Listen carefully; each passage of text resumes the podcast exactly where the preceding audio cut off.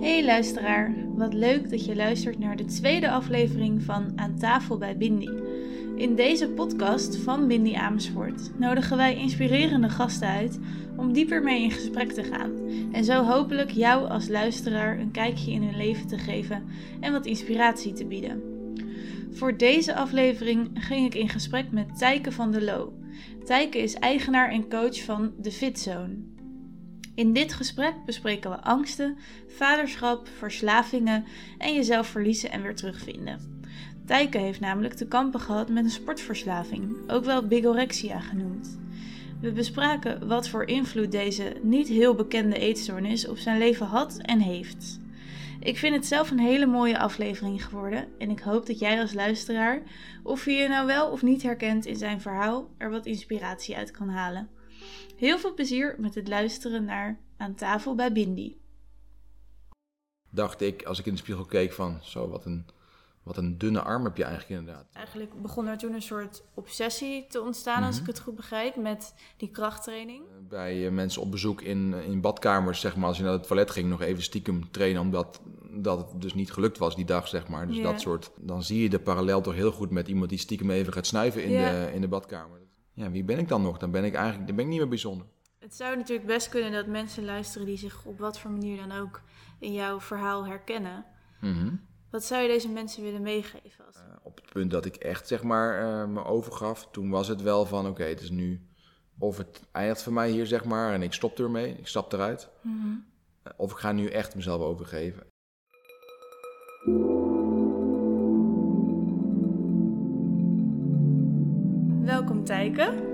Dank je. Ik eh, begin even met wat eh, korte vragen waar je zo diep of oppervlakkig op in mag gaan als je zelf wil. Even ter, eh, ter introductie van jou en zodat iedereen je een beetje beter leert kennen en ik je ook beter leer kennen. Mijn eerste vraag. Welke kleine dingen kan jij intens gelukkig van worden? Misschien wel dingen die andere mensen heel suf vinden, maar waar jij echt van kan genieten.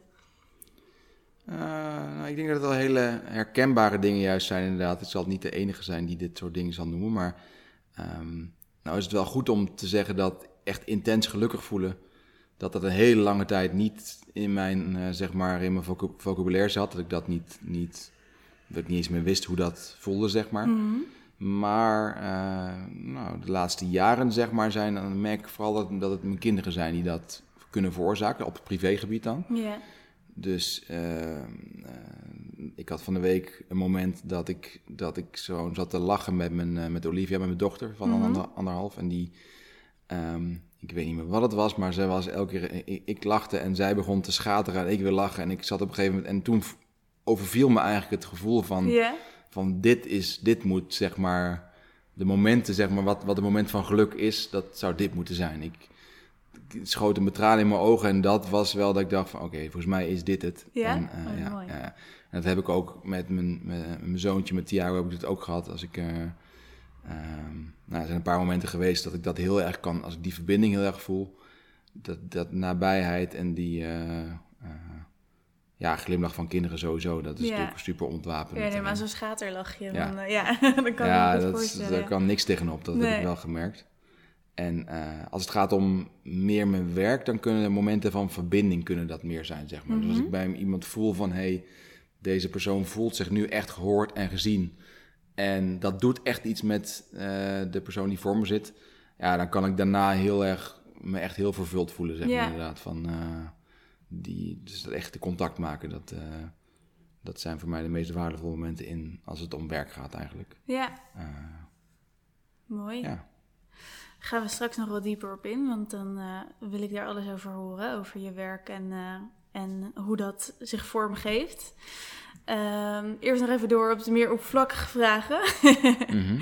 Welke leeftijd zou jij kiezen als je die voor altijd mag, eh, mag blijven, die leeftijd?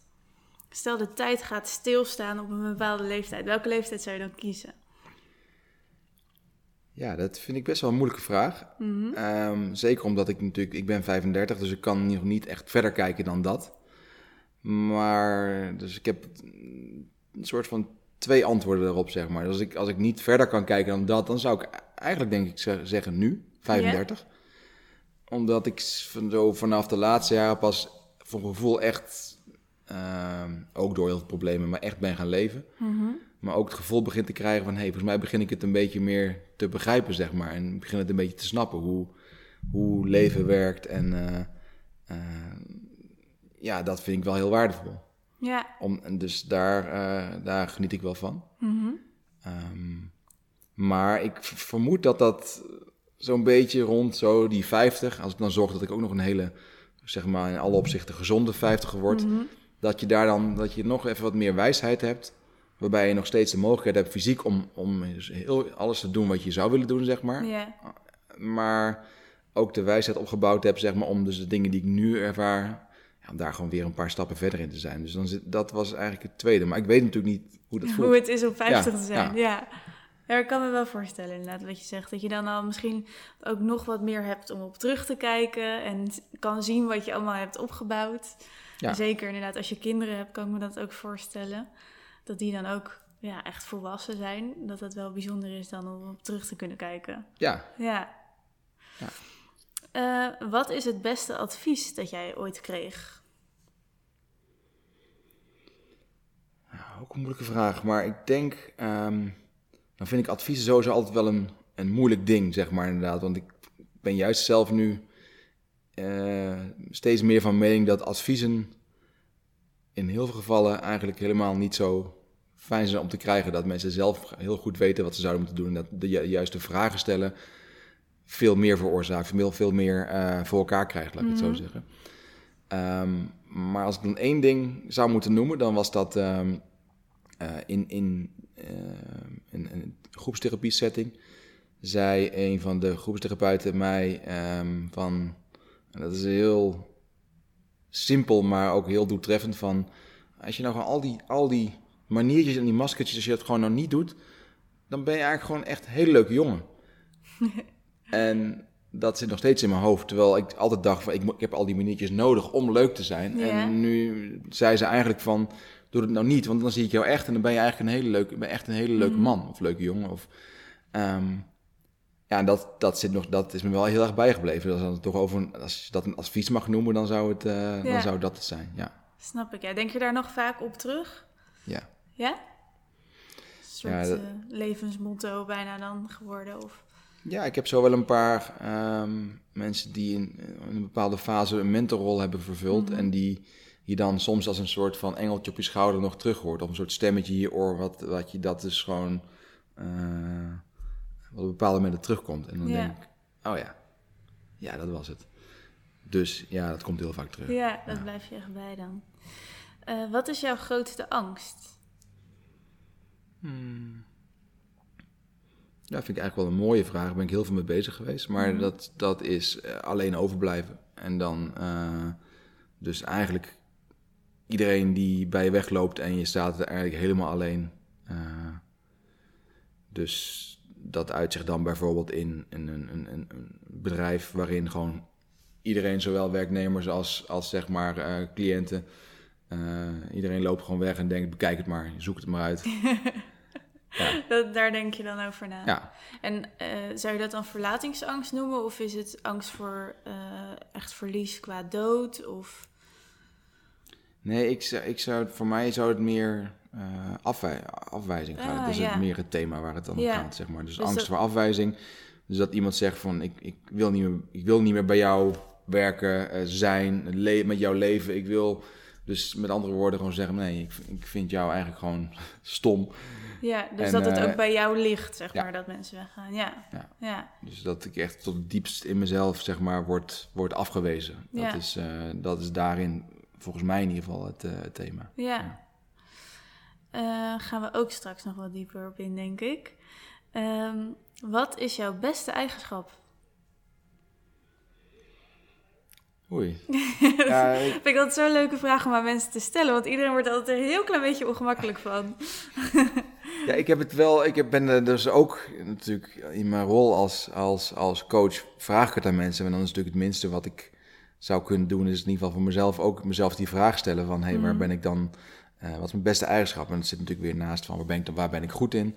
Ehm, maar ik zou zeggen dat ik Maar dat is meer een vaardigheid. Ik zou zeggen dat ik heel goed kan luisteren.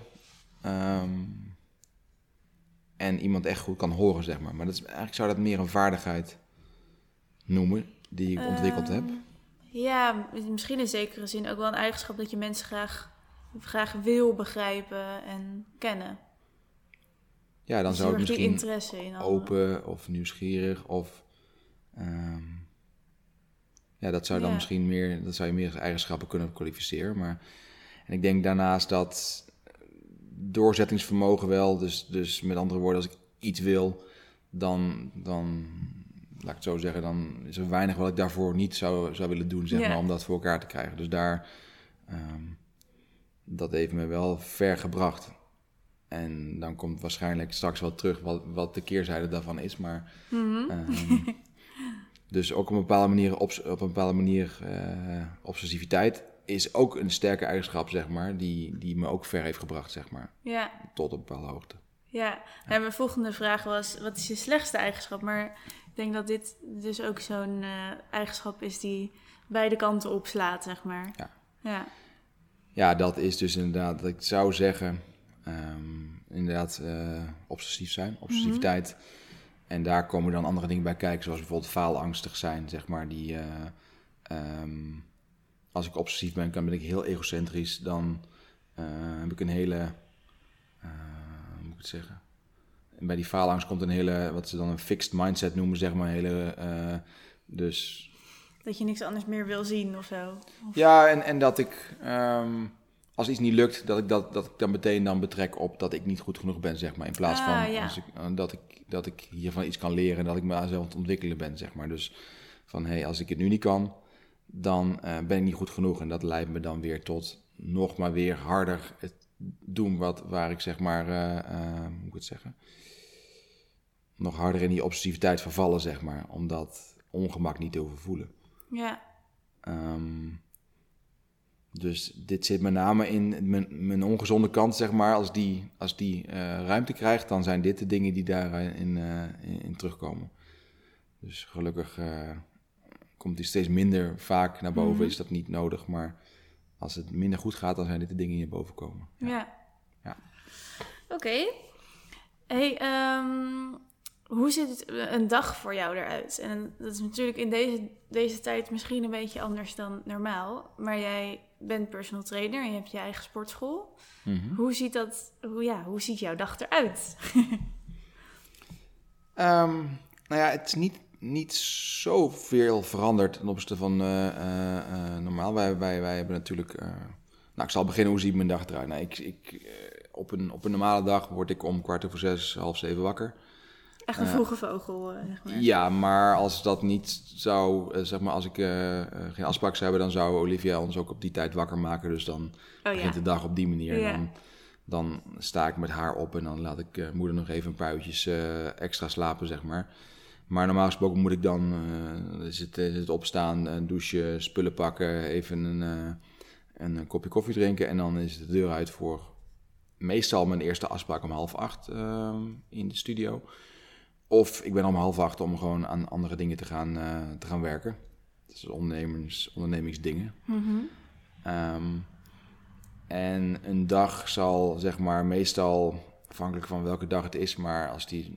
Inmiddels eindigt die gelukkig om een uur of vijf. Ja. En dan heeft zo'n dag eruit gezien van verschillende eh, trainingsafspraken.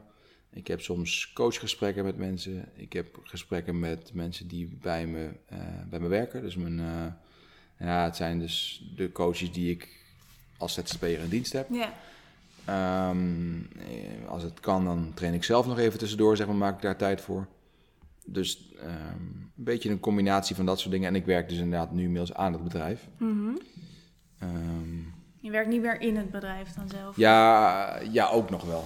Ja. Ik heb recent de beslissing genomen om van, zeg maar, fulltime coach en trainer en fulltime ondernemer Ja. Een iets meer duurzame beslissing te nemen. En ik heb de helft van mijn uren die ik coach heb, heb ik, eh, heb ik eh, aan collega's overgedragen. Mhm. En die andere tijd die ik nu dus overhoud, die, die besteed ik nu aan het bedrijf. En Ah ja. Iets meer Dat- focus, zeg maar. Ja. ja, dat begon echt de bottleneck te worden in de, de, de ontwikkeling van het bedrijf. Ja. Dus daar, eh, dus een dag eindigt nu ook op een normale tijd, waardoor ik ook weer thuis kan zijn voor uh, uh, het inbad doen van, uh, van mijn dochter Olivia. Dat is een beetje ons dingetje. Mhm. En dan vervolgens gaat zij naar, naar bed en dan eten we. En dan na het eten gaat het alweer rustig richting op tijd naar bed gaan. En zijn we het over een door de weekse, door de weekse dag. Ja, ja. je werkdag, zeg maar. Ja. je zei, het ziet er nu niet heel anders uit met, met corona dan daarvoor. Maar je hebt denk ik geen mensen die nu komen sporten, toch? Uh, ja, jawel. Wij, wij, Zeg maar, wij, um, het is, in het begin was het even lastig, want we hebben een, een, studio midden in de stad. En ja, toen hebben we weer moeten switchen naar uh, online trainingen, zeg mhm. maar. Dus één op één buiten trainen bij mensen thuis. Oh ja. Uh, maar op een gegeven moment hebben we de beslissing gemaakt om ook een plek voor de studio buiten te creëren. Dus een onder een afdak zeg maar een, uh, een, een, trainingsplek. Dus spullen mhm. neergelegd, uh, deur van de studio open, spullen naar buiten toe. En, uh, oh, wat slim. En later hebben we ook daar een, een, een tent op de stoep voor de studio neergezet, zeg maar. Die weliswaar aan twee kanten open was, maar wel overdekt en ah, een stukje wind ving. Waardoor we toch twee à drie plekken konden creëren voor het één op één trainen met mensen, zeg maar. Ja. En, en daarnaast nog bij mensen thuis dan en buiten op een, op een veldje. Dat, heeft ons uh, best wel goed bezig gehouden in de tussentijd, zeg maar. Dus daar en nou hebben we heel veel, zeg maar, hele loyale uh, cliënten, mhm. sporters die allemaal door wilden gaan. En, of het grootste deel. Dus ja, dan is het behalve dat we niet binnen onze, onze vertrouwde plek konden trainen, konden we dat gewoon buiten doen. Dus daar. Een beetje creatief denken en dan. Ja, eigenlijk wel. Ja, ja. ja dat, is goed. Dat, en um, ja, je hebt net al een paar dingen een beetje laten, laten vallen hierover. Maar ja, wat voor invloed heeft, heeft, ja, ik heb opgeschreven jouw beroep, maar wat voor invloed heeft het, het sporten op jou? Hmm. Ja, ik zou het zeg maar, ik zou het benoemen zeg maar als, als ik mijn, mijn beroep of mijn vak, dan zou ik mezelf nu eerder als, uh, als, als, als coach identificeren. Ja. En wij gebruiken in de studio, zeg maar, hebben we, uh, gebruiken we naast sport gebruiken we uh, coaching op leefstijl, gebruiken we coaching op vitaliteit en uh, fysiotherapie als vier pijlers die zeg maar moeten leiden tot gezondheid in de meest diepe zin van het woord, mhm. zeg maar. Zo zou je het kunnen benoemen. Um, dus ik zie mezelf ook als coach die mensen op die pijlerscoach, hoewel we op sommige pijlers wel echt specialisten in huis hebben. Dus een vitaliteitscoach, een diëtist en een fysiotherapeut. Ja, echt het complete plaatje, ja. zeg maar. Ja, ja maar um, dus, dus ik zou zeggen dat het, het vak coach, de invloed die dat me heeft, is dat ik um, ook zelf heel veel nadenk op die manier, zeg maar. Dus mijn leven in, in, in, in die vier pijlers, zeg maar, uh, zie. Um, dus om te beginnen met, met de ontwikkeling die ik zelf doormaak daarin, zeg maar. Dat voelt ook wel een beetje als een inherent deel uh, van het zijn van een coach. Ja. Uh, misschien zelfs wel een voorwaarde dat je, dat je daar zelf ook ja, aan, uh, dat je jezelf ook mentaal bezig blijft eigenlijk. Ja. ja. Ja, dat kan ik me voorstellen. En je hebt, ja, het is volgens mij niet heel gebruikelijk dat in ieder geval reguliere sportscholen hebben volgens mij niet dit allemaal in één met een coach en alles erop en aan. Waarom, is dat, uh, waarom heb jij ervoor gekozen? Waarom is dat zo belangrijk voor jou? Um, misschien deels omdat ik natuurlijk heel erg, dat ik persoonlijk zelf heel duidelijk ervaren heb dat, um, dat je nog fysiek zeg maar zo fit kan zijn maar als het op een ander gebied uh, uh, lekt, zeg maar, dat je compleet ongelukkig kunt zijn dat die fysieke fitheid je helemaal niks, niks voor je doet daarin. Mm Dus dat het puur een soort lege omhulsel dan is, zeg maar, wat je, wat je hebt. Dus ik denk dat het vanuit die hoek gekomen is dat ik veel breder ben gaan kijken dan, dan dat. Ik kom uit een, met een, met een topsportachtergrond kom ik natuurlijk wel heel erg vanuit, oké, presteren en sterk zijn en fit zijn en, dingen goed kunnen. Uh, dat was mijn ingang, zeg maar. Mhm. en, en, door alle problemen die zijn uh, opgetreden in de loop van de tijd, ben ik gaan zien dat dat nou ja, maar, maar een klein stukje is van, van gezondheid in het algemeen. En um, ja, ik denk inderdaad dat het ook wel, als- op de manier waarop we dat doen, dat het wel inderdaad een. een eh, ik zie ook wel dat dat uitzonderlijk is in de zin van er zijn weinig andere studio's ook die het op die manier ook echt aanpakken, die het ook echt doen wat ze Mhm. zeggen. Dus met andere woorden, naar een persoon kijken en kijken van hé, hey, wat, wat denk Of eerst kijken en luisteren.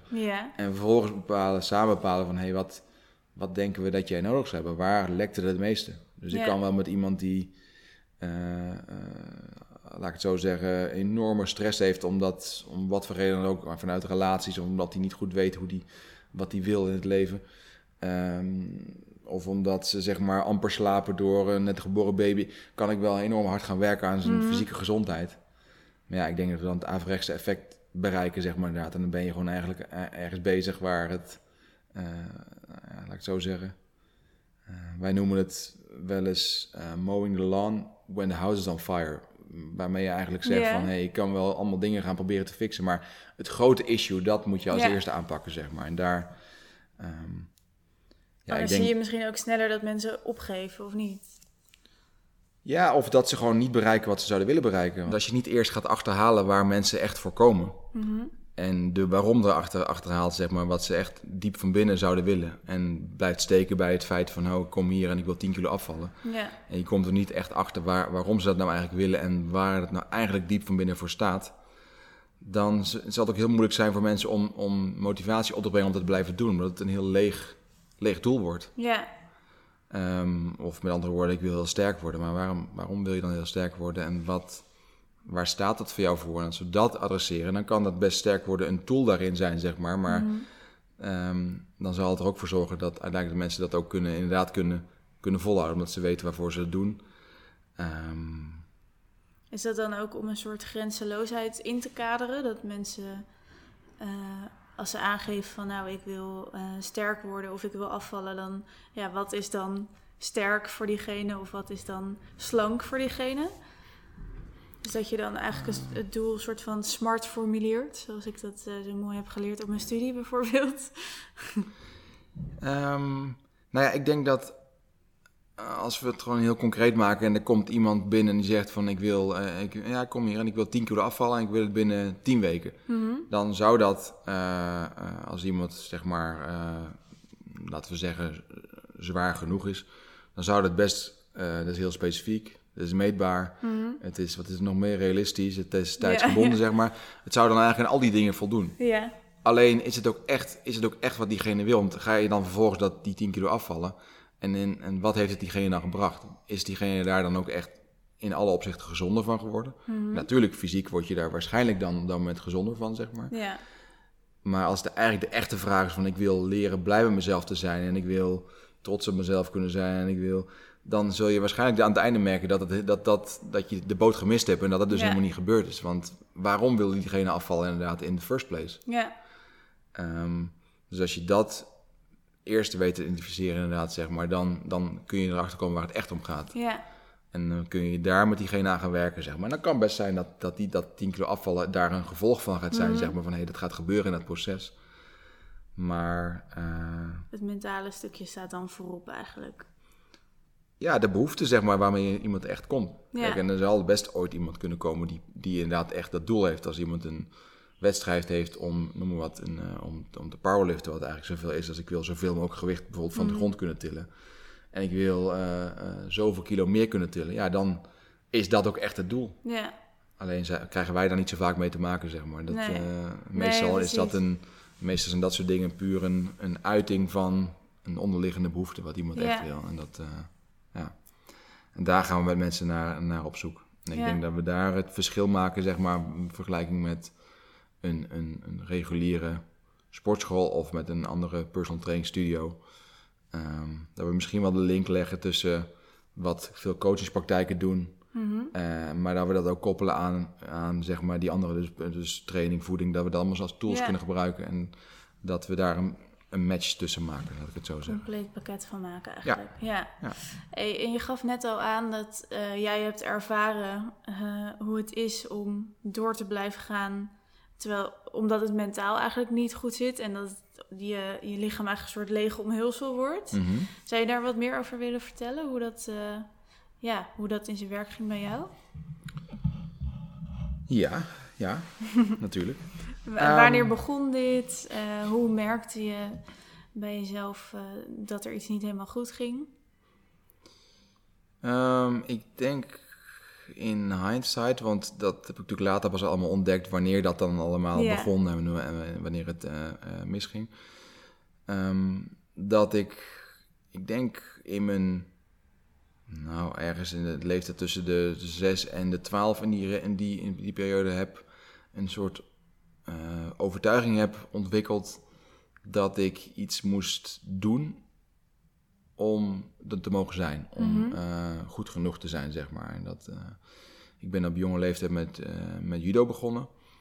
En daar bleek al vrij snel dat ik talentvol was. En dus kreeg ik aandacht voor het feit dat ik al mijn wedstrijdjes won, zeg maar. En Dat overal waar ik meedeed, won ik. Nou, daar kreeg ik aandacht voor van mijn vader. Van mensen in, bij de judoclub in mijn omgeving. Was, oh, dat is die, die kan zo goed judo inderdaad, zeg maar. En daarnaast op, op de basisschool, mijn moeder was, eh, ehm, is onder andere basisschoollerares eh geweest. En die gaf wel een beetje ook aan, terwijl, eh, en ook de leraar van, hey, dat is wel een, het is een bijzonder kind in de zin van, nou ja, kon makkelijk leren, of je dat dan wel of niet te hoogbegaafd wil noemen. Mhm. Maar het ging in ieder geval heel makkelijk af en ik raakte snel verveeld en Ehm, dus daar heb ik een beetje de overtuiging ontwikkeld van als ik het dan heel goed doe op school, dan ben ik bijzonder, dan ben ik iemand, Ja. zeg maar. echt het presteren eigenlijk. Ja. En die twee dingen samen, daar ben ik nooit, ik ben daar nooit in gepusht, zeg maar. Dat is absoluut niet het geval. Dat, ik heb die, dat, zelf dat, dat stukje, denk ik, daarin die, die, die link gelegd. Mhm. Eh, daar begon het eigenlijk al een beetje van, hé, hey, dat moet ik dan wel dus blijven doen. Dat moet ik wel vasthouden, want als ik dat niet doe, dan, dan ja, wie ben ik dan nog? Dan ben ik eigenlijk, dan ben ik niet meer bijzonder. En ehm, daar begon ook een beetje, de, daar begon al een beetje de faalangst te komen van als ik het dus niet, als ik dus verlies met judo of als ik niet eh, een, een toets of op school of zo eh, heel goed maak, dan val ik door de mand, zeg maar. Dan, dan ziet iedereen dat ik helemaal niet zo bijzonder ben. Ja. Ehm, ja, en dat ontwikkelde later in van, van dus judo werd dat steeds sterker, die faalangst, zeg maar. En ehm, ook met eh, school werd dat steeds sterker, middelbare school. Tot je er gewoon echt zo lang zit te leren dat je zeker weet dat je een tien haalt, zeg maar, op, eh, op de middelbare school. En, eh, en anders ging ik gewoon niet. Dan meldde ik me af voor school voor een toets, zeg maar. Ja, dat, dat, dat was wat er toen gebeurde. En Gewoon niet eens als je niet zeker wist of je een voldoende haalde, maar gewoon als je niet zeker wist of je een 10 haalde. Ja, laat ik het zo zeggen, in mijn hoofd was het dan niet zeker dat ik hem voldoende haalde. Maar als ik dan, Oh ja. als ik dan eigenlijk ging, dan bleek het gewoon dat ik gewoon geleerd had. Voor, dan werd het altijd 9 of 10, Ja. zeg maar. Die, eh, dus die angst was zo groot dat ik dan zelfs toen dacht van, heb ik het wel gehaald? Mhm. En dan bleek het 9 of 10 te zijn, Ja. zeg maar, in bijna alle gevallen. Maar als, dat, als die angst te groot werd, dan, dan, dan liet ik mijn moeder gewoon afzeggen. En die dacht op dat moment dat... Nee, mijn vader dacht op dat moment dat, dat hij me daar een plezier mee zou doen. Dus die zei van, nou, doe maar, zeg, zeg maar gewoon af. Dus, eh, ja, dat doe je natuurlijk vanuit liefde, omdat je ziet dat iemand struggelt. En uiteindelijk heb ik daardoor ook niet geleerd dat het oké was om te falen. En dat niemand me daardoor minder ging vinden. Ja. Ehm, ja, later werd dat, werd dat zeg maar, ehm, het werd steeds sterker. Mhm. Tot het moment dat ik in judo dat ik krachttraining ontdekte. Mhm. Dus dat betekent op een bepaalde leeftijd, dan, dan, dan is het normaal in topsport dat je, zegt, dat je krachttraining gaat doen om als ondersteuning voor, voor de sport, zeg maar. Dus hey, ik moet sterker worden, dus we gaan met de gewichten aan de slag. En daar ontdekte ik dat, zeg maar, dat was helemaal eh, controleerbaar en meetbaar. Want als ik A doe, als ik input geef, dan word ik sterker. Ja. Dan, zie ik zelfs dat mijn spieren gaan groeien, zeg maar. En eh, waar judo en school nog onvoorspelbaar zijn. Mhm. Want ja, judo, je, je, je krijgt een tegenstander tegenover je. Ja, als die maar heel goed is, of die heeft een hele goede dag, dan kun je alsnog verliezen. Ook al ben je zelf nog zo, heb je alles gedaan, alles Ja. goed gedaan. Je kan bent maar tot een bepaalde hoogte kun je Ja. daar controle over houden. Ja. En die hebt met een andere partij te maken. Mhm. Hetzelfde geldt voor, voor school. Dan moet een, als er een docent is die een gekke bui heeft en een hele moeilijke toets neer- neerzet, zeg maar, dan kan het zijn dat je dus inderdaad een keer niet een hoog cijfer haalt. En met krachttraining kon ik dat, als ik alle factoren goed invulde, kon ik dat heel goed beïnvloeden, zeg maar. Dus Ja. die, dat, zeg maar, die obsessiviteit en die faalangst, die ging eigenlijk, die, ging eigenlijk een beetje over in, in, eh, naar krachttraining. Dus dat Mhm. begon een beetje de overhand te nemen. Eh, ja, dat is, de begin, dat is het begin van het verhaal, zeg maar inderdaad, als ik het zo eh, terug... een lang verhaal, maar... Zo begon het Ja. eigenlijk, ja. En ehm, tot hoe ver is dat doorgegaan? Want eigenlijk begon er toen een soort obsessie te ontstaan, als ik Mhm. het goed begrijp, met die krachttraining. Mhm. Hoe lang heeft dat geduurd voordat je echt zeg maar op het punt was dat je er mee aan de slag ging om, om er vanaf te komen met die, van die obsessie af te komen? Nou, ik denk dat ik eh, de eerste keer dat ik besefte dat ik, dat ik hulp nodig had, was uh, dat ik een jaar of 18 was. Mhm. Um, op het moment dat ik eigenlijk in een. In, was in, ik was in een fase dat ik. Uh, uh, ik mocht meedoen aan de Europese en wereldkampioenschappen voor, voor junioren, voor judo. Um, ik was kanshebber zelfs ook gewoon voor bij, bij, de, bij het toernooi om gewoon zeg maar uh, de titel te pakken, dus kampioen te worden. Yeah. Um, maar in de tussentijd had krachttraining eigenlijk zodanig het overgenomen dat ik was, ik was aan het trainen als een bodybuilder. Mm -hmm. Nou ja, daar werd ik natuurlijk niet sneller en uh, uh, explosiever van. Dus het, mijn, mijn judo ging daar... Ja, ik was alleen nog maar een soort van super trage, logge judoka geworden. Die alleen Ja. maar op kracht en, en, en, en doorzettingsvermogen nog kon winnen. Uh, dus het werd er ook zeker niet leuker op.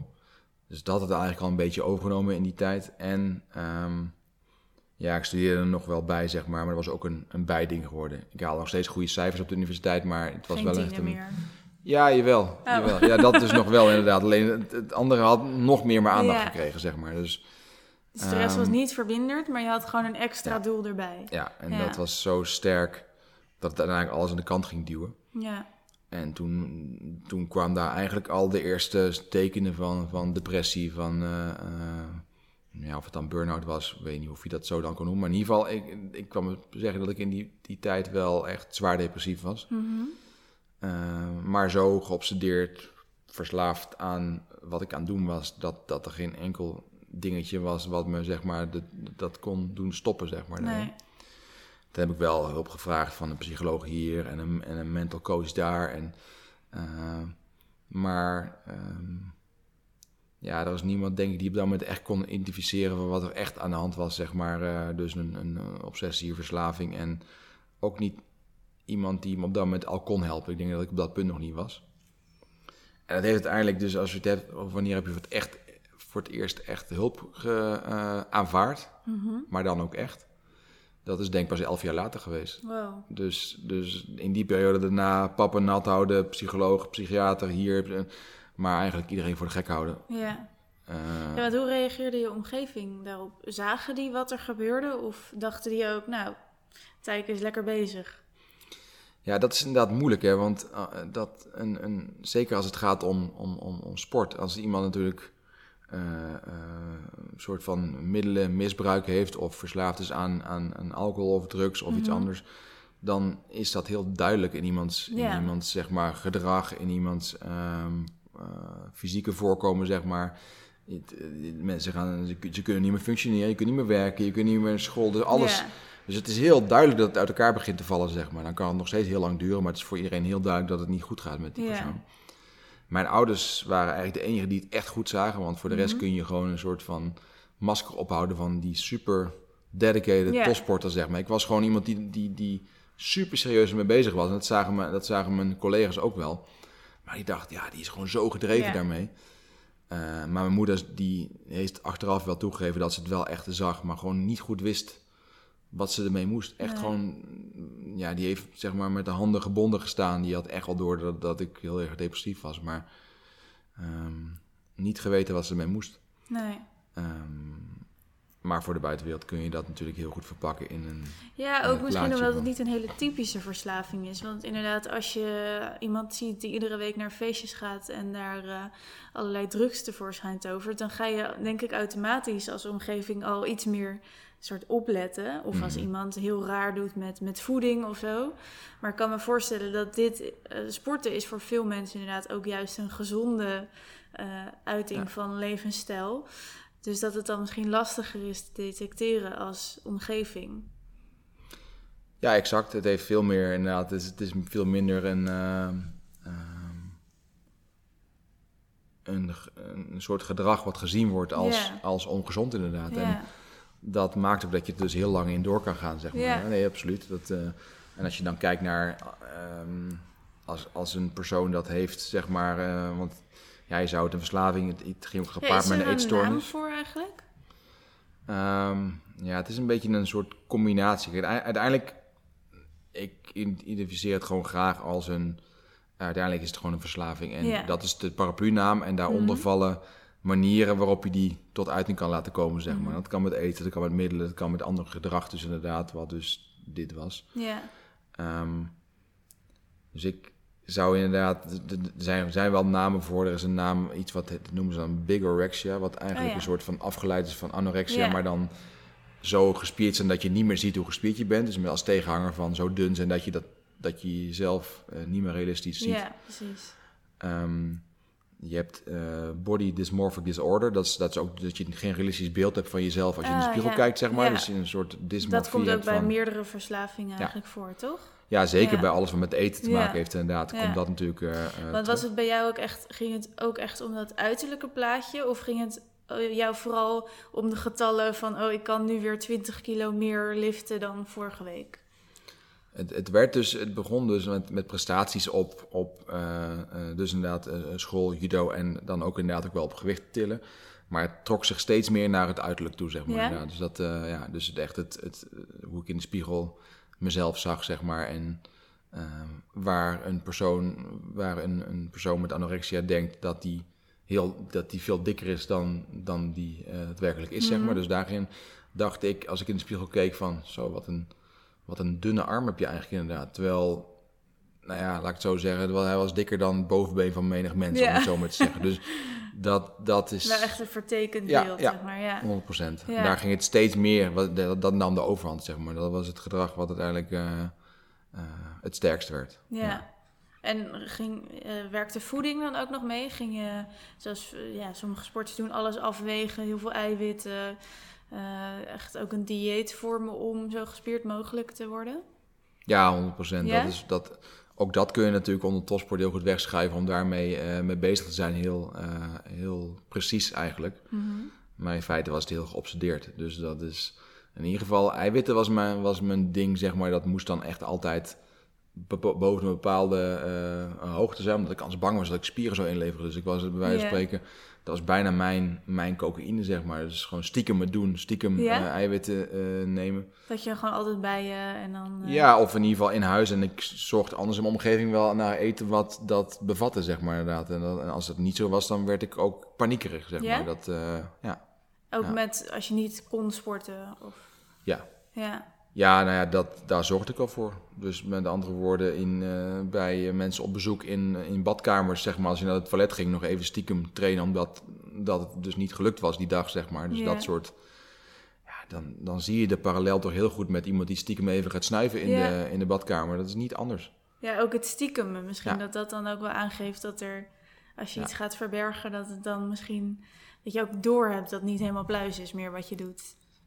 Ja, je hebt het door. Alleen het duurt gewoon heel lang voordat je echt ook de, de bereidheid hebt om, om het te willen veranderen. Dus, maar je hebt het zeker door. Dat Ja. klopt natuurlijk van geen kant. En dat, maar om het te blijven doen, dat, dat, dat ongemak wordt natuurlijk daardoor een beetje verborgen. Je blijft het maar gewoon doen. Want, ehm, hoe moet ik het zeggen? Daarmee duw je eigenlijk al die, al die gevoelens van dat je weet dat het niet klopt, duw je gewoon weer weg. Dat ja, is wat, wat die hoef je we- daardoor dan niet te voelen, omdat Ja. je toch nog voor je gevoel lekker bezig bent. Zeg Ja. maar. En eh, op wat voor manier merk je op dit moment nog iets van eh, die obsessie van toen? ja, werk. Werk is iets wat uiteindelijk daarna een, een ehm, toen zeg maar studie eh, eh, niet meer eh, aan de hand was, zeg maar. En toen eh eh, eh, topsport niet meer aan de hand was. Dat was alle, heeft allemaal uiteindelijk is dat weggedrukt door die verslaving. Dus Mhm. daar, daar ben ik dus ook mee gestopt. eh, om die reden.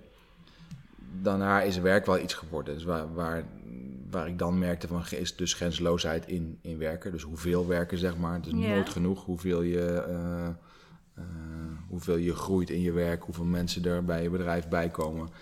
Ehm, maar ook hoeveel doe ik voor mensen, zeg maar inderdaad. En dan, dan kun je weer, dan kom je eigenlijk een beetje op het pleasen van, van mensen, zeg maar. Dus Mhm. dan eh, kom je weer terug op die angst voor afwijzing.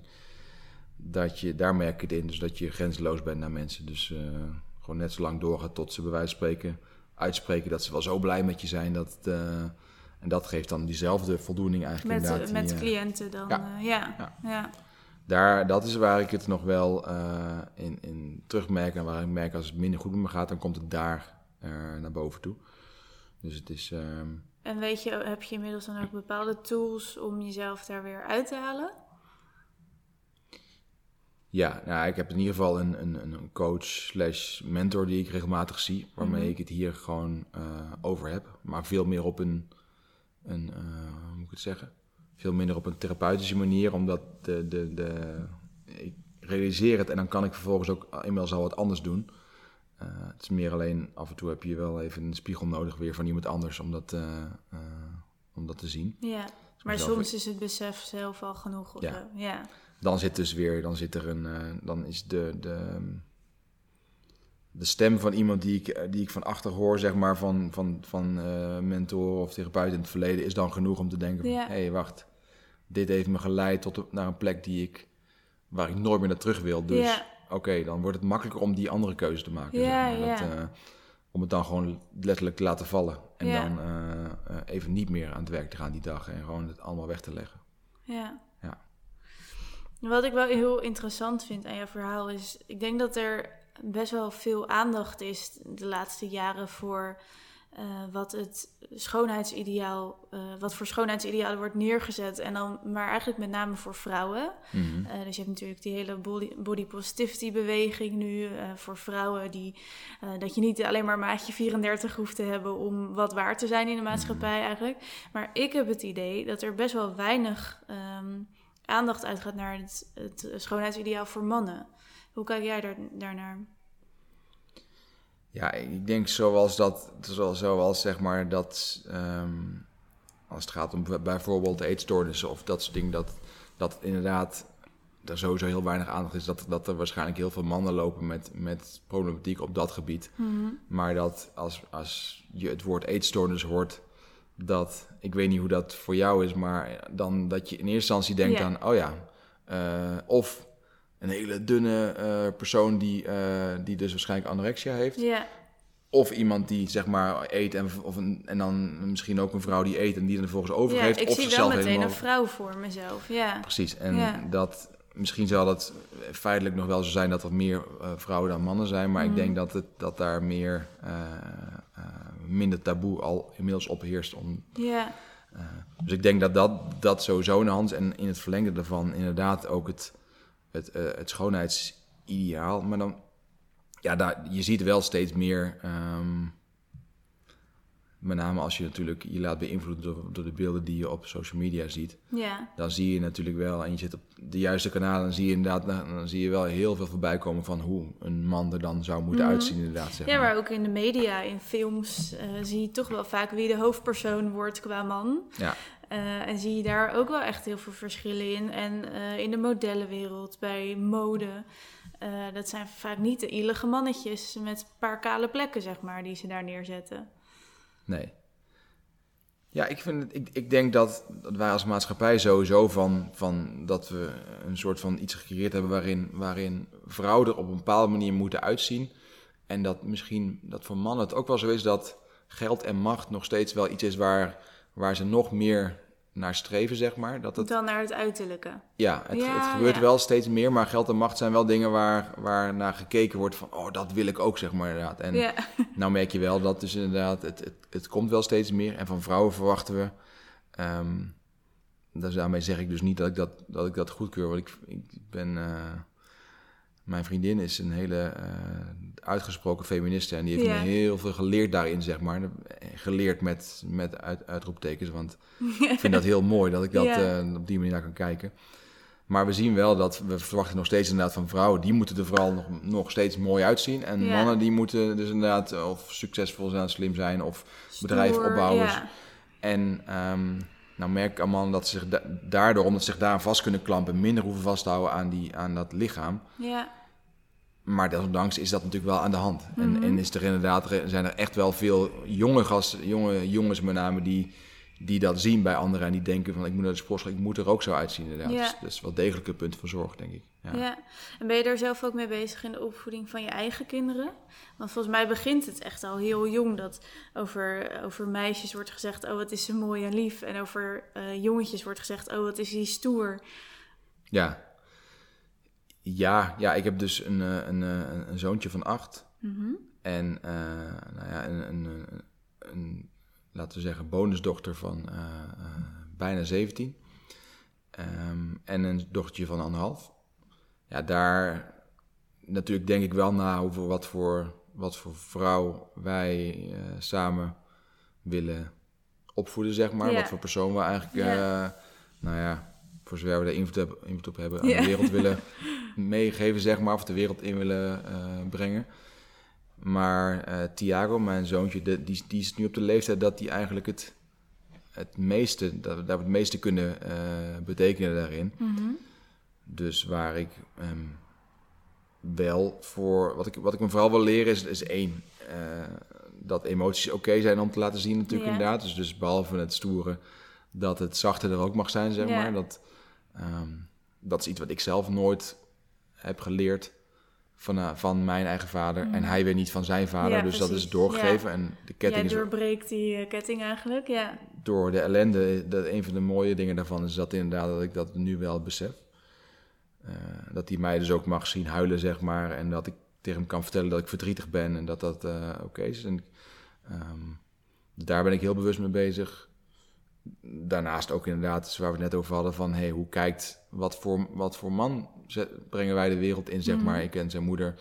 Dus hoe gaat hij met anderen om? Hoe, gaat hij met, hoe, hoe ziet hij mannen en vrouwen, zeg maar, inderdaad? Hoe ziet hij mensen die anders zijn dan, dan wat wij als maatschappij als de norm betiteld hebben, zeg maar. Daar zijn, we, daar zijn we wel heel erg mee bezig, inderdaad. Ja, dat, dat is wel een...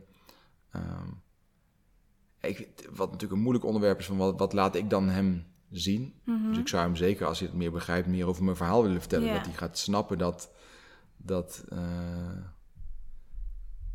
dat wat ik gedaan heb, zeg maar, dat het niet per se uh, uh, dat me gelukkiger gemaakt heeft. Nee. Of het tegenovergestelde eigenlijk. Ja.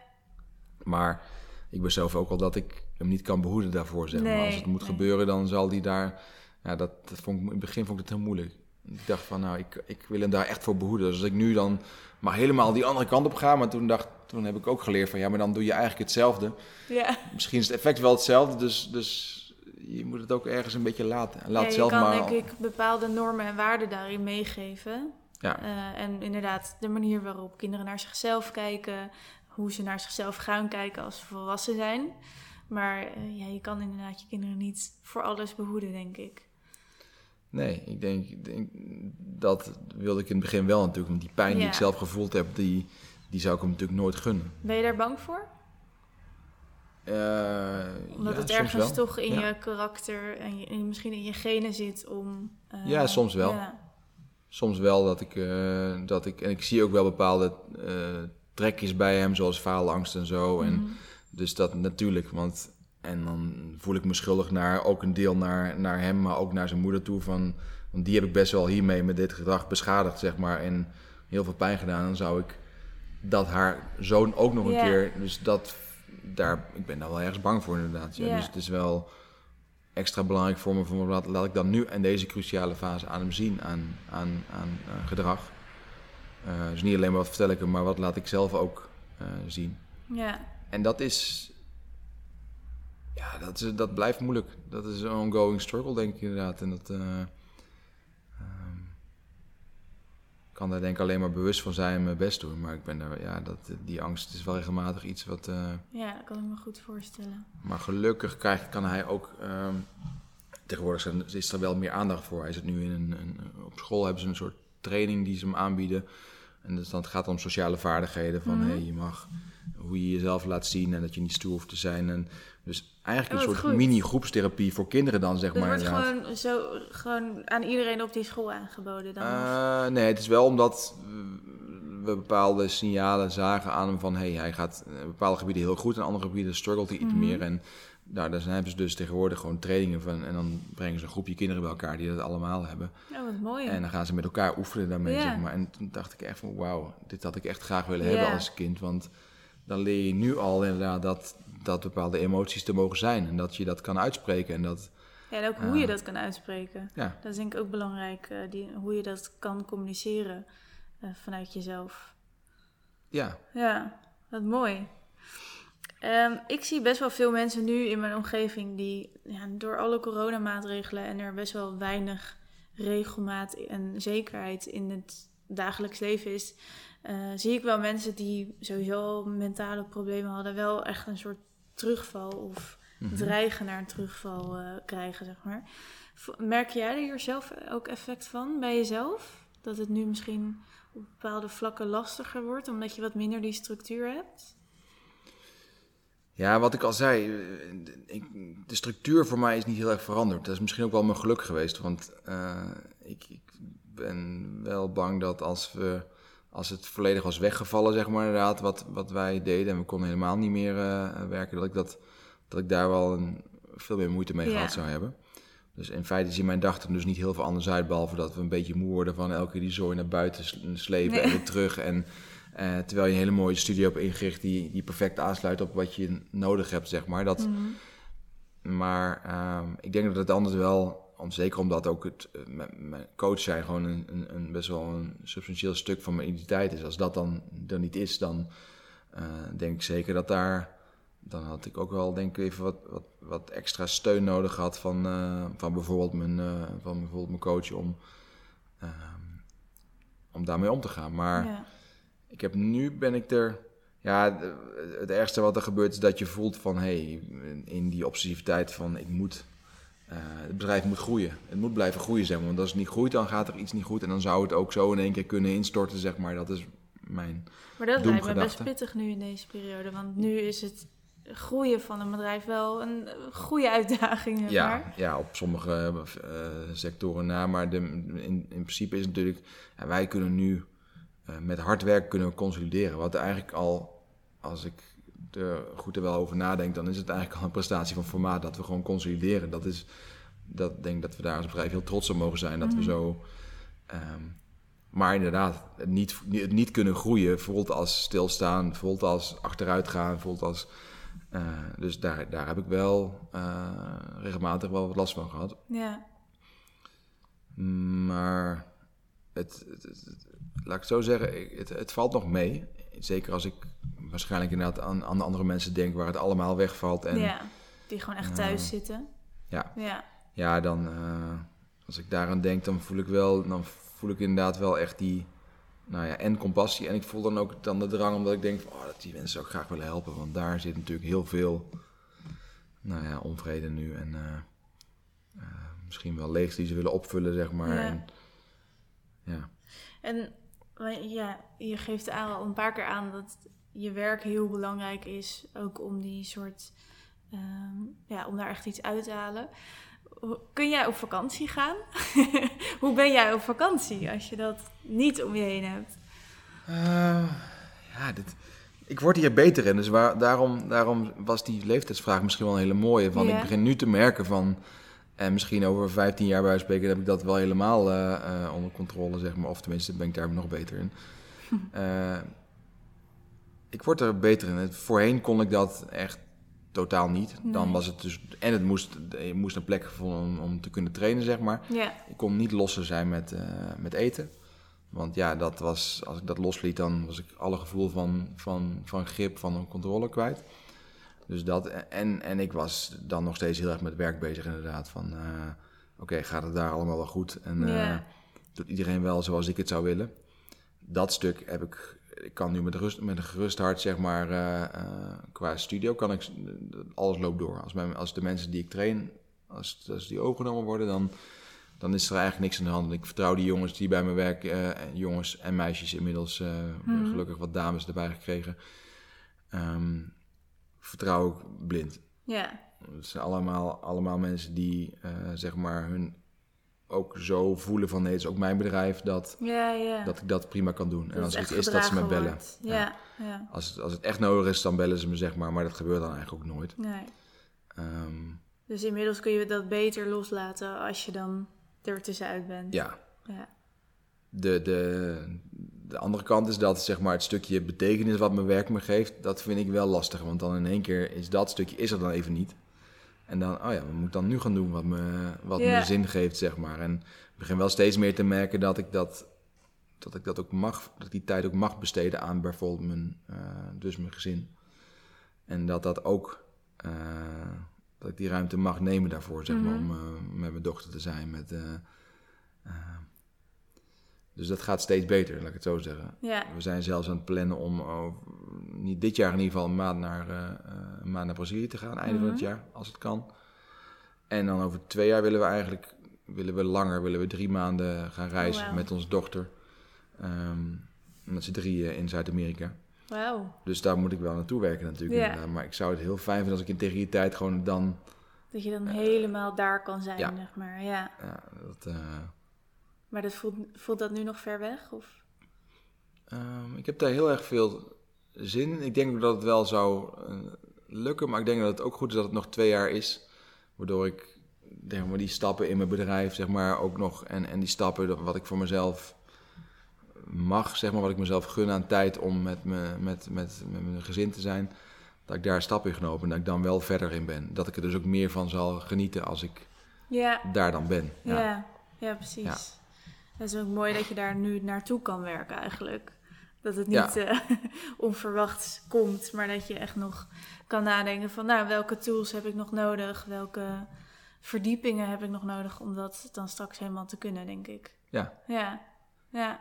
Ja, daar ben ik wel actief mee bezig, ja. Ja, en zie jij nog wel eens eh, binnen jouw sportschool dat er... Noem je het eigenlijk sportschool of heb je meer overkoepelende naam? Ja, wij noemen het, we noemen het eigenlijk studio, omdat het Ja. ehm, eh, dat het meer omvat dan... eh, Sportschool klinkt wat oppervlakkiger dan Ja. het is, of niet? Ja. nou ja, ja. het begint inderdaad bij sp- sportschool is natuurlijk iets waar mensen gewoon ook zelf komen en gewoon een, een, een, een sport komen doen en weer weggaan. En Mhm. eh, dan de volgende stap is personal training studio, maar dan wijst dat er heel duidelijk op dat je dus personal training doet. Waar we natuurlijk duidelijk veel meer bieden dan dat, zeg maar. Ja. Dus hoe je het wil noemen, is best, dat is wel best wel een, Ja. een lastig inderdaad. Dus daarom zeg ik bij ons in de studio, en dan, Ja. dan wijst dat op, op, op een, nou ja, Iets breder, Iets eh, breder, iets breder ja. begrip. Eh, maar zie je wel eens bij jou in de studio nog mensen binnenkomen waarin je eh, zeg maar met soortgelijke problemen als die jij had? Of dat je, iets, dat je daar iets in herkent?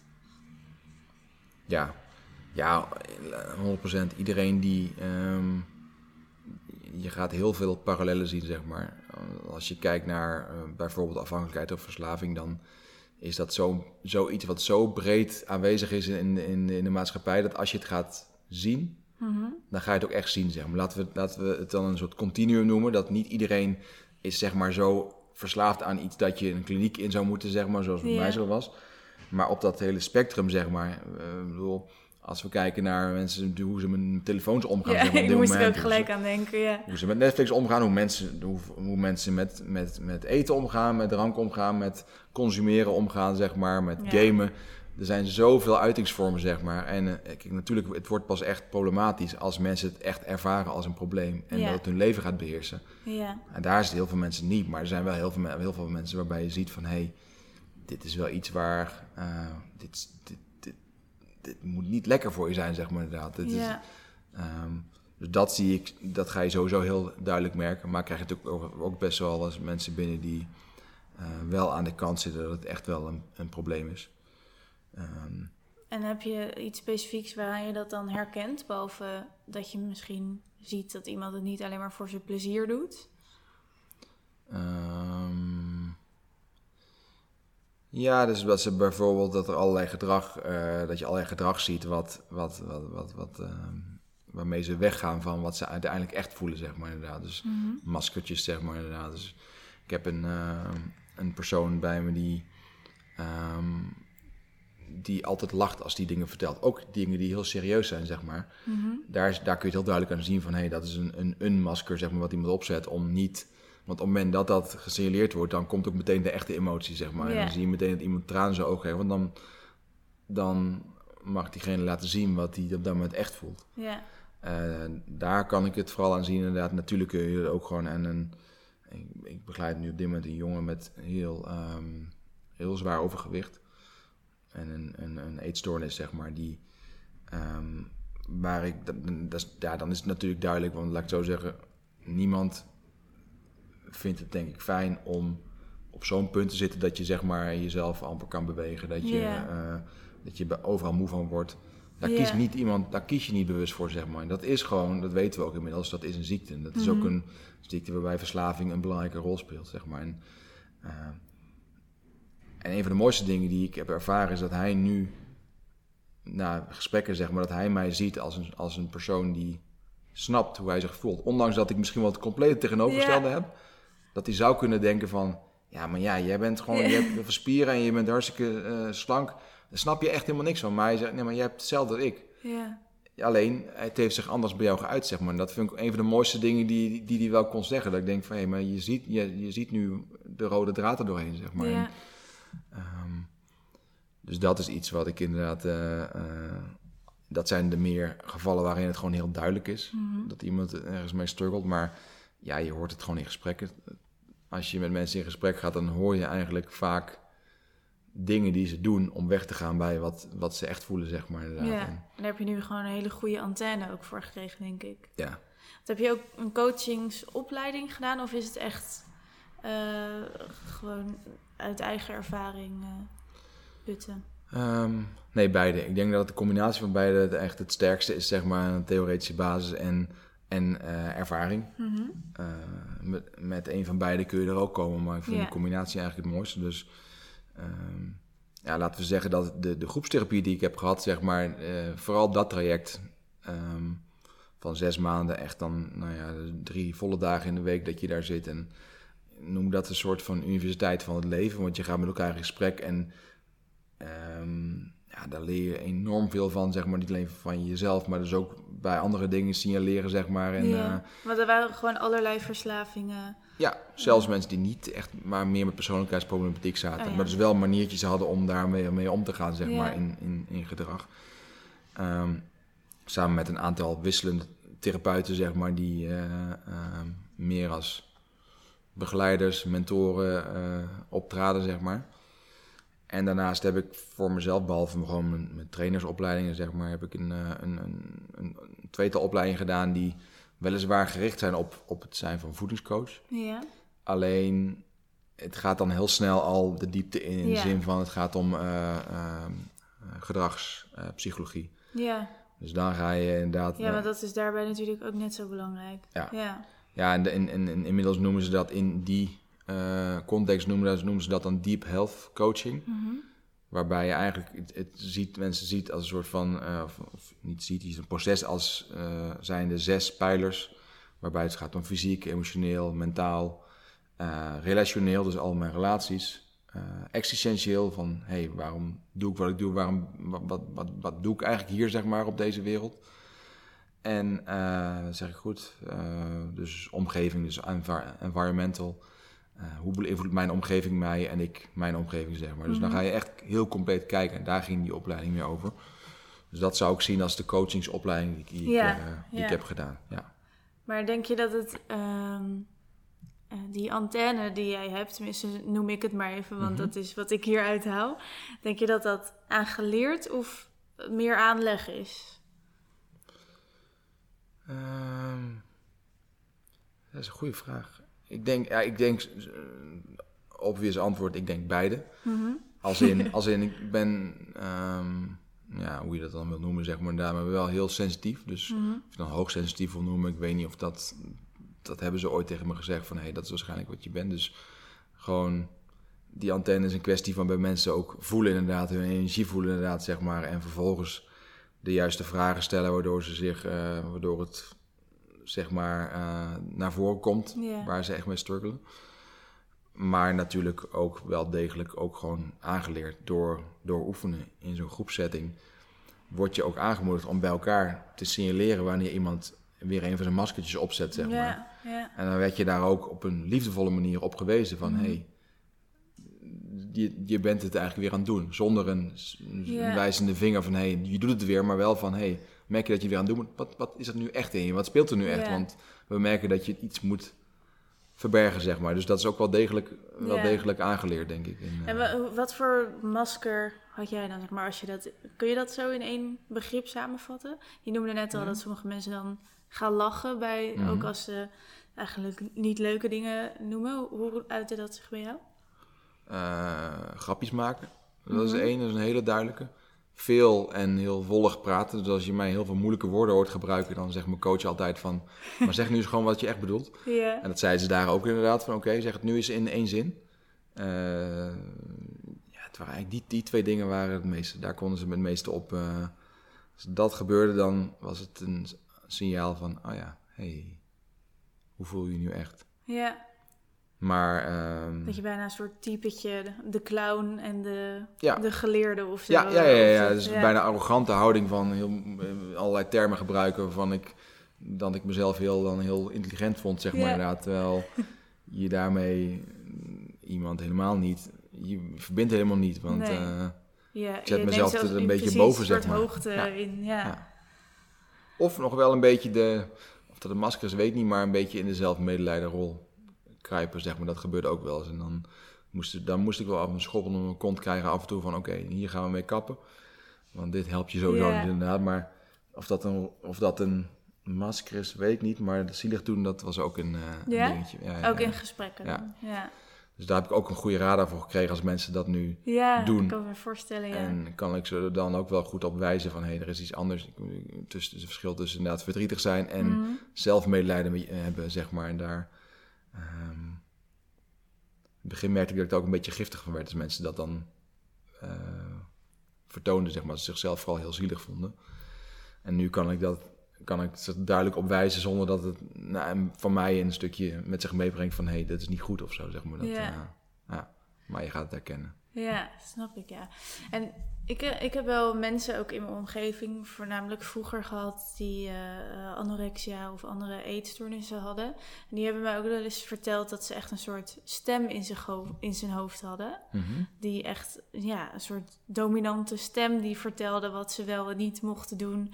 Dus ook bijvoorbeeld heel erg het stiekem verborgen houden en het eten wat wel of niet goed was. Had jij dat ook op zo'n manier, dat je echt het gevoel had dat je geleid werd? Ja, ik denk het wel. Ik denk, laat ik zo zeggen, ik praat graag over een soort duiveltje en een engeltje op mijn schouder, Ja. zeg maar. En dat duiveltje was gewoon, dat is dan gewoon, die was gewoon heel groot en die was heel eh, machtig, zeg maar. En alles wat die zei, dat is wat ik deed, zeg maar. En dat, Mhm. ehm, ja, of het echt een stem was, ik denk dat het niet, maar wel een hele, een, een, een, een drang, een, een bijna van onbedwingbare drang om, om, het, om het te moeten doen. Dus ik er, ehm, ja, je zou het natuurlijk als een stem kunnen omschrijven. Ik, heb het niet als een stem ervaren, maar wel eh, iets wat gewoon van binnen kwam. Maar die metafoor van dat duiveltje, die herken ik wel heel goed, zeg maar inderdaad. En inmiddels heb ik dus ook dat engeltje wat Ja, die steeds, die steeds luider is gaan praten, zeg maar. En aan die andere luister ik gewoon wat minder. Die is er nog wel, maar die, daar luister ik minder naar, inderdaad. Nee, dat, dat ervaar je wel Ja. nog steeds, maar de, de verdeling, eh, de, de engel heeft nu meer macht gekregen, zeg maar. je hoeft er niet, je hoeft naar dat, duiveltje niet te luisteren, zeg maar. Dat is, of je kunt het wel horen, maar denken van, oké, nou. Ja, dat in een goede periode, zeg maar, dan is dat wat het is. Dan, dan gaat het zachter, zeg maar. Mhm. Hoor je het minder vaak. Ehm, en als die dan steeds sterker wordt, dan is op een gegeven moment een punt waarop je nu, nu kan zeggen van... Oké, maar je kunt net zo goed nu stop met praten, want ik ga dat gewoon echt niet meer doen. Want ik weet waar dit moet toe leidt, zeg maar. Dus die, en dat had ik daarvoor nooit. Dat. Dan wat, ging je gewoon mee in, in dat, want dat leek gewoon... Dat leek de manier om... en dat duiveltje zei dan, je moet meer sporten, eh, je moet sterker worden. Ja, En op dit je moment... dik. Ja? Ja. Ja. En op dit moment zegt dat duiveltje dan, je moet harder werken of ook nog eh, over je uiterlijke vertoon? Mm, ook nog wel, maar dat is wel echt heel veel minder geworden. Het is dan Mhm. inderdaad meer van je moet succesvol zijn en je moet eh, geld verdienen. Je moet in een, in een groot, eigenlijk moet je in een groot huis wonen en je bedrijf moet groeien. En het stelt nog niks voor wat je aan het doen bent, bij wijze van spreken, meer in die richting. Mhm. Ehm, en als je niet harder werkt, dan loopt iedereen bij je weg, zeg maar. Dat, is, dat zijn de, Ja, de ja. stemmen die nu eh, komen. En je merkt wel dat het lichaam steeds meer... Dat brengt ook wel steeds met zich mee van... Ja, lekker ben je straks 50 en dan zit je met je spieren daar, zeg maar. Ja. dan begint ook een beetje ehm, zielig te voelen dan, zeg maar. In die... eh, Misschien ook te beseffen dat er meer is dan alleen dat. Ja. Ja. ja. ja, dat is wel... eh, eh, maar eh, het, is, het is er nog wel hoor, zeker wel. Als je mij, als ik nu, als je mij nu eh 10 kilo laat aankomen, zeg maar, dan zou ik me daar heel zou ik er heel veel moeite mee hebben, denk ik inderdaad. Dus je, ergens wil je nog wel die controle of die houvast Ja. hebben dan misschien. Ja. Ja, ik denk ook dat het iets is wat wel altijd bij me zal blijven, zeg maar inderdaad. Ik zal er hopelijk steeds minder gewoon last van ervaren, zeg maar. In, eh, ja. Ja. Ik zie dat we wel eh, meer dan een uur aan het praten zijn. Dus Oh. ik wilde zo richting de laatste vraag gaan. Mhm. Tenminste, als jij daar ook oké mee bent. ja, natuurlijk. Ja. Ehm, ja, denk ik wel een belangrijke, omdat eh, ja, als het goed is, luisteren er nu mensen. en ehm, het zou natuurlijk best kunnen dat mensen luisteren die zich op wat voor manier dan ook in jouw verhaal herkennen. Mhm. Wat zou je deze mensen willen meegeven als die nu luisteren en zich misschien ja, hier al bepaalde emoties bij voelen of ergens merken van hé, hey, ik herken me in dit verhaal en misschien wordt het voor mij ook tijd om hier iets mee te doen. Ja, dat, ja, dat is denk ik wel, dat laatste is misschien wel een hele mooie. Want dat zou betekenen dat iemand wel op het punt staat inderdaad van... hé, hey, ik wil hier iets mee doen en ik wil hier misschien wel, eh, wel hulp bij. Ehm, ja, ik zou, ik zou dan... En dat is best wel moeilijk, want er zijn natuurlijk eh, er zijn, er zijn, ehm, heel veel goede coaches, therapeuten op dit gebied, zeg maar. Maar er zijn ook aan, aan, aan heel veel therapeuten, coaches die toch net even wat minder goed weten wat ze doen. Maar als je uitgaat van een, dat het een goede is, dan zou, ik- dan zou ik iedereen aanraden om een, dan een traject te gaan doen bij een, eh, een, coach of therapeut. En in mijn geval zou ik dan zeggen, het liefst een groepstraject. Mhm. Eh, omdat ik daarin echt heb geleerd dat ik, dat ik gewoon oké ben wie ik ben, zeg maar. Alle maskers eraf en dat ik nog steeds werd gezien, eh, of juist werd gezien van... hé, hey, je bent eigenlijk een hele leuke jongen. En dat ik denk zonder die groep niet kunnen bereiken, zeg maar. En die, dus ik zou een, eh, een, een, traject in therapie eh, in het algemeen, meer specifiek groepstherapie, zou ik inderdaad heel erg eh, ehm, aanraden. Mhm. En eh, noem het een soort van. Er is natuurlijk een organisatie die School of Life heeft, maar voor mij is dat echt een School of Life geweest, zo'n traject. Ehm, ja, en wat ik heel erg heb ervaren, wat me nu inmiddels helpt inderdaad, is dat als je, dat je bedenkt dat je niet de enige bent die struggelt. Ja. En- want nou ja, ik heb heel wat mensen al door de deur zien komen nu inmiddels bij onze studio, zeg maar. En ook heel wat mensen ontmoet in mijn leven. En we doen het allemaal. We struggelen allemaal inderdaad. En hoeveel mensen ik ben tegengekomen die compleet in balans zijn, die, nou, het zijn er dus echt heel weinig Ja. geweest. Ehm, hoe meer je er achter de voordeur mensen kan kijken, inderdaad, hoe meer je ziet dat we allemaal struggelen. En dat, dat, dat zorgt er wel voor dat je niet helemaal je super alleen voelt. Ja. Ehm, dus een manier, om, een manier om weer in verbinding te komen met, met anderen, zeg maar. Dus een, een, een groepstherapie of het feit alleen dat je voelt van... hé, hey, ehm, anderen hebben dit ook. En dat je in gesprek kan komen daarover. En, en, dus die ehm, gaat voelen dat je niet alleen bent. Ehm, ja, verder is dit, is dit moeilijk, want adviezen zit je, weer, zit je eigenlijk inderdaad weer op advies inderdaad, zeg maar. En ehm, het is heel erg afhankelijk van welk punt je staat in je eigen proces, wat je op dat moment Ja. nodig hebt. Ehm, Maar zoek hulp is wel denk ik een, eh, ja. een, Dus ja, de- belangrijkste dat- advies. ja, e- echt zeg maar hulp zoeken en eh, als je bereid bent om je daarin eh, over te geven, is, dat is waar het voor mij begon. Ja. in, eh, in, in dat het beter ging. Ehm, Ja, wat dat- besefte jij ook op dat moment dat het beter kon? Of dacht je gewoon, dit is het leven? dat heb ik heel lang wel gedacht, totdat mijn... eh, ik, ik kon eigenlijk, ik noem het altijd van, ik kan, mijn levenskwaliteit was gewoon steady een 4, zeg maar. Het zorgde ervoor dat het niet een 1 werd, want ik kon, zeg maar, met al die, in die obsessie kon ik dat heel mooi. Ik had ik nog best 10 jaar misschien kunnen volhouden, zeg maar. Puur qua, nou ja, obsessief gedrag. Ehm, maar toen, ja, eigenlijk heeft mijn, mijn toenmalige eh, vrouw, die heeft gewoon eh, gezegd van, het is nu, het is nu, no- nu of nooit. Ik ga, Mhm. als je het nu niet gaat opgestoken, dan ben ik weg. Mhm. Uiteindelijk is dat ook gebeurd. Want ik was nog niet daar, maar dat heeft me wel, eh, dat heeft me wel zet gegeven om in ieder geval die eerste stap te nemen. Maar op het punt dat ik echt zeg maar me overgaf, toen was het wel van oké, het is nu of het eindigt voor mij hier zeg maar en ik stop ermee, ik stap eruit. Mhm.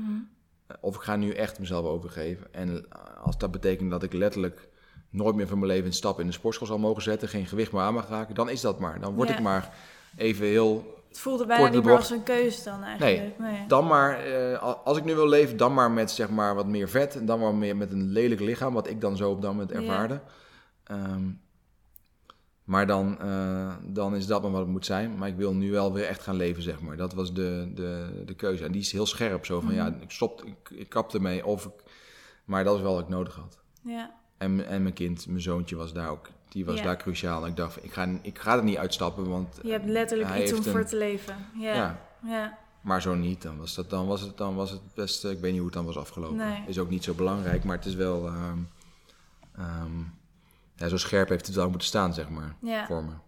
Dus Ja. eigenlijk, je, je zei je levenskwaliteit was zo steady een 4. Mhm.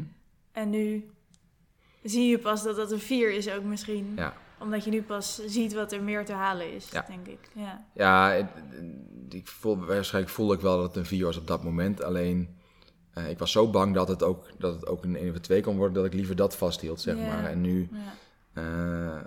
Is het dus inderdaad, kan ik me ook af en toe heel erg eh kloten van overal van weg willen rennen en misschien een 2 ervaren. Mhm. Maar er komen, zijn nu ook momenten dat het, een, dat het voelt als een, als een, zeg maar, een 8 of, of, of een 9 of een 10. Toen Mm. die, dat momentje wat ik in het begin beschreef met mijn dochter. Dat je denkt van dit is het. Zeg maar. dus, dus, ehm, en ik ben er inmiddels ook achter dat dat, dat dat leven is, zeg maar. En dat het is inderdaad... eh, ehm, dat daarvoor was, was puur elke dag weer overleven. Overleven, Ja. ja. Nou, ik hoop dat eh, inderdaad de mensen die luisteren en zich hierin herkennen, dat eh, ook willen aannemen dat het hoeft niet zo te zijn. En eh, er is altijd een manier om er weer uit te komen. Ja, en je bent niet alleen. Dat zou ik inderdaad ook willen, eh, willen zeggen. Hoezeer je dat ook op dat moment voelt inderdaad. Ja. En, eh, ehm, er zijn heel veel mensen die dit ook voelen, zeg maar. Ja. En dat, ja, voor wat het helpt, dat is mijn ervaring. Ja. Nou, heel erg bedankt eh, voor je openheid in dit gesprek. En eh, aan de luisteraars natuurlijk heel erg bedankt voor het luisteren weer. En eh, tot de volgende keer.